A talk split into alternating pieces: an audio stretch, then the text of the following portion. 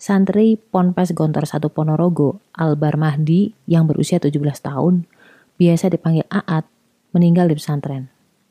Awalnya ia mukim di Gontor 4 Banyuwangi. Setelah diketahui AM adalah santri aktif dan berprestasi, kecerdasannya membuat para guru merekomendasikan AM untuk mukim di Gontor 1 Ponorogo.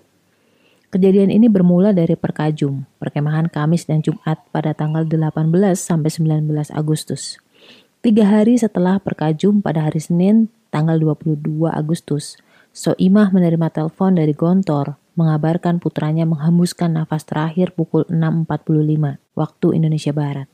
Penyebabnya terjatuh akibat kelelahan. Selasa siang, jenazah AM tiba di Palembang dengan diwakili seorang ustadz dari Gontor, sekaligus menyerahkan jenazahnya. Ia mengatakan, anak ini mati syahid. Namun keluarga curiga karena melihat kain kafan ada bercak berwarna merah. Mungkin rembesan darah.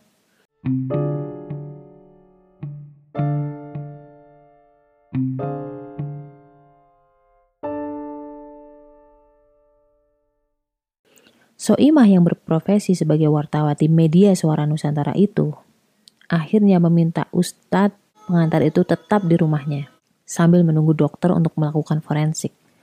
Atas usaha ini akhirnya berhasil, sang ustadz pun mengubah keterangan Aat meninggal dunia akibat penganiayaan yang terjadi di Perkajum.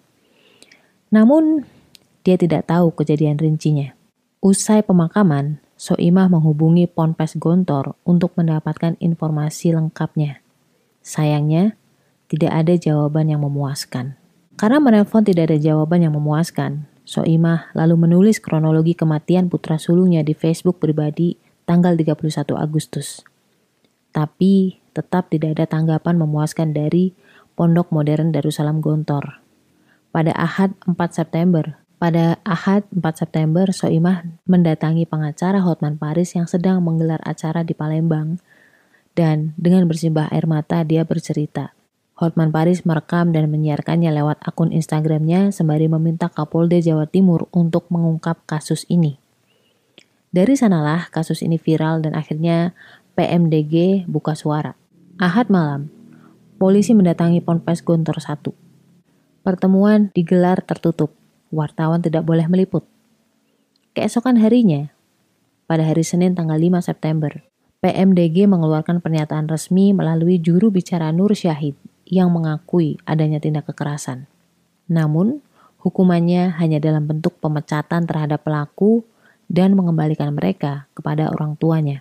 Pertanyaan saya apakah sebatas itu hukumannya? Ponpes Gontor 1 baru mengakui adanya penganiayaan setelah dua pekan berjalan.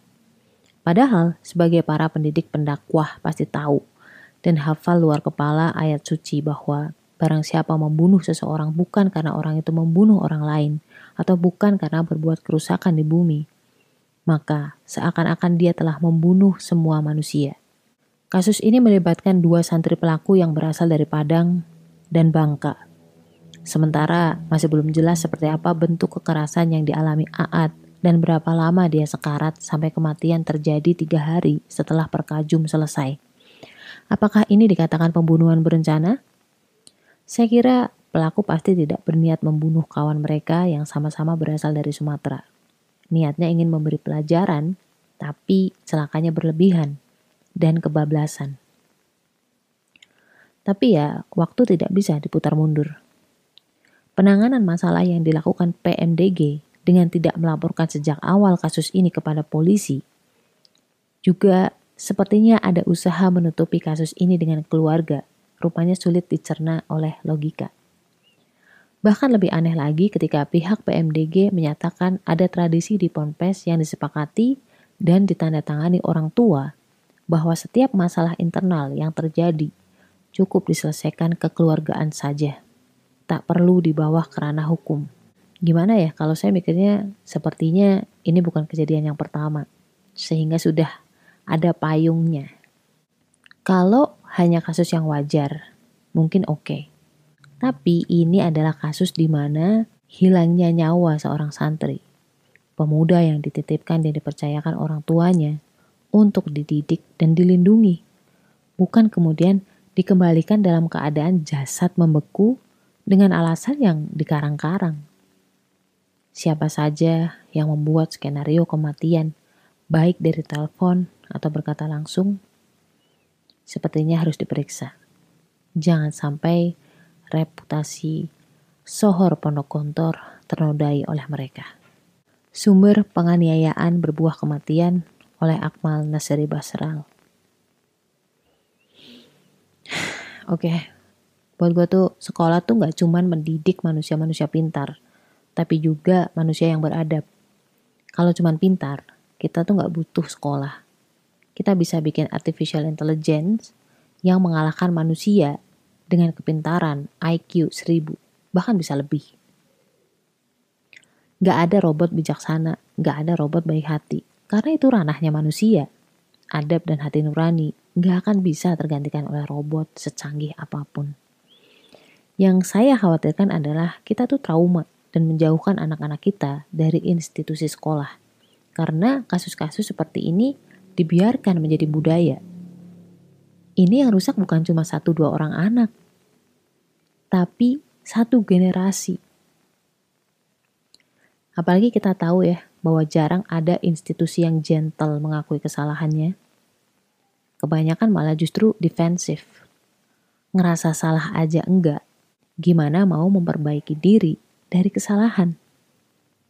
Fokus orang yang gak peduli adalah, udahlah kalau gak ada kejadian gak usah dipikirin.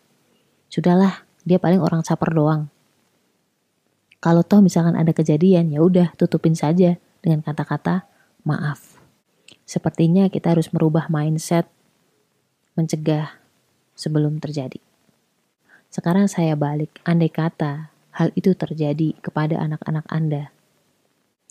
Masih bisa ngomong seperti itu. Kita doakan kepada almarhum dan korban kedoliman orang-orang mendapatkan surganya Allah Subhanahu wa taala.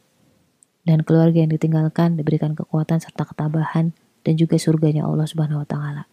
Stay love and assalamualaikum warahmatullahi wabarakatuh.